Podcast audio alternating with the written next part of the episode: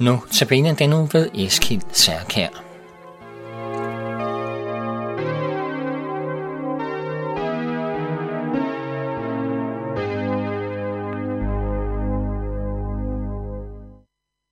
Goddag, jeg er Eskild Særkær og er diakon.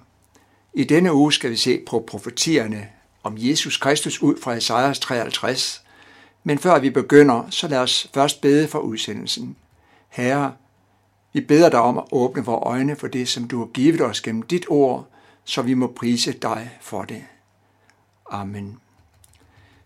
Disse profetier, vi skal se på i dag, altså fra Esajas 53, er et af de mange store højdepunkter blandt profetierne i det gamle testamente.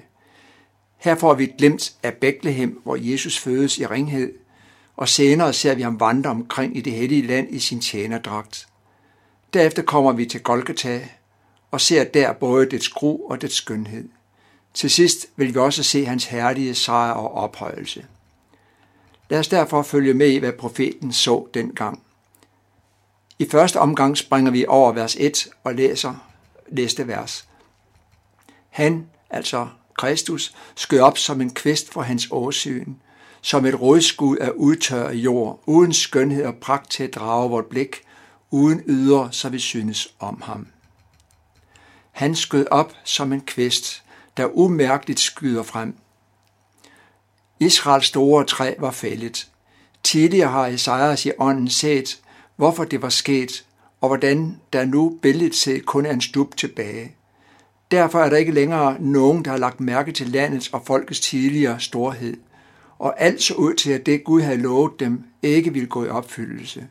Men Gud havde hverken glemt dem, eller og, øh, hverken dem eller sine løfter, og gennem profetierne viste han dem, at snart, meget snart ville han sende Messias, altså Jesus, som skal frelse dem fra deres sønder, som det står i Matthæus kapitel 1.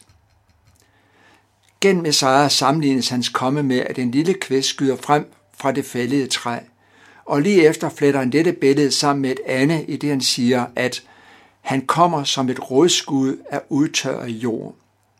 Jorden er hård, og menneskeligt set er det, der nu skal til at ske, en umulighed.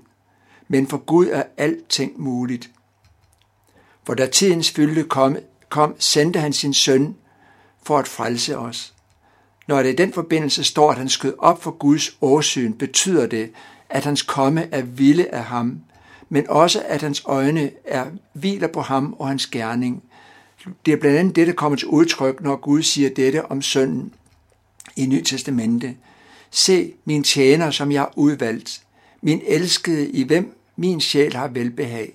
På ham vil jeg lægge min ånd, og han skal forkynde ret for folkene, og på hans navn skal folkene håbe.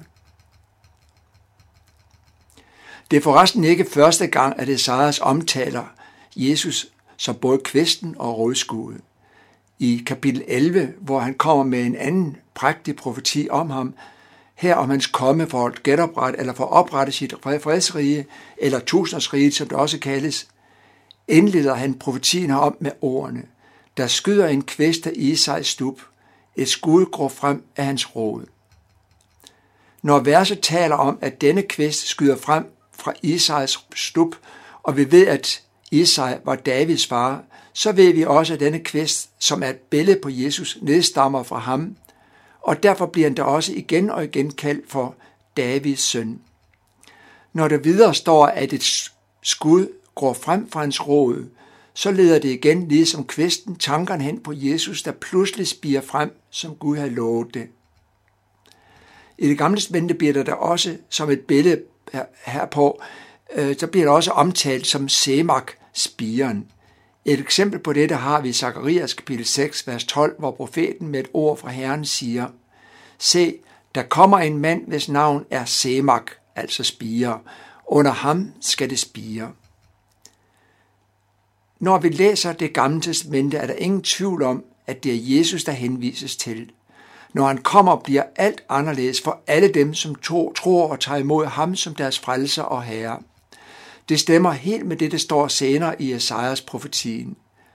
I det samme kapitel læser vi, at på en dag skal hedningerne søge til Isais rådskud, som står som et banner for folkeslagene, og hans bolig skal være herlig. Vi skal få et øjeblik tilbage til første vers i kapitel 11, hvor vi læste, at et skud går frem af hans råd. Hvis råd.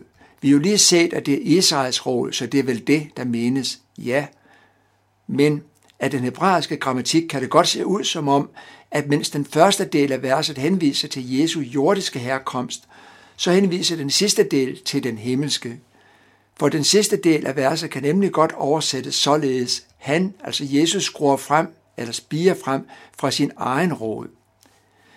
Det, der her er sagt, betyder altså konkret, at selvom Jesus er Isais biologiske efterkommere, så er han på samme tid også hans forløber. Det vil sige, han var til før ham.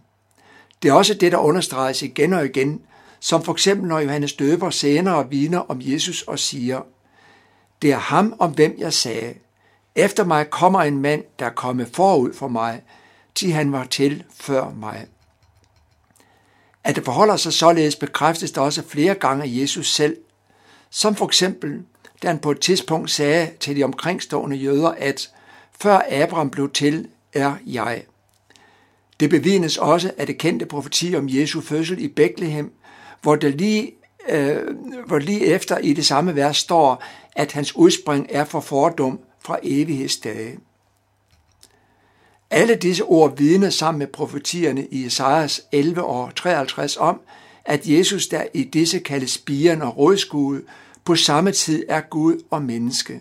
Altså det samme, som det står i Johannes kapitel 1, øhm, hvor der står, i begyndelsen var ordet, og ordet var hos Gud, og ordet var Gud, og ordet blev kød og tog bolig i blandt os. Efter denne præsentation af kvæsten og rådskuddet, der skyder frem som Isaks og Davids efterkommer og er den evige Guds søn, så vender vi os igen til Esajas 53 og ser, hvordan hans komme til jorden bliver modtaget.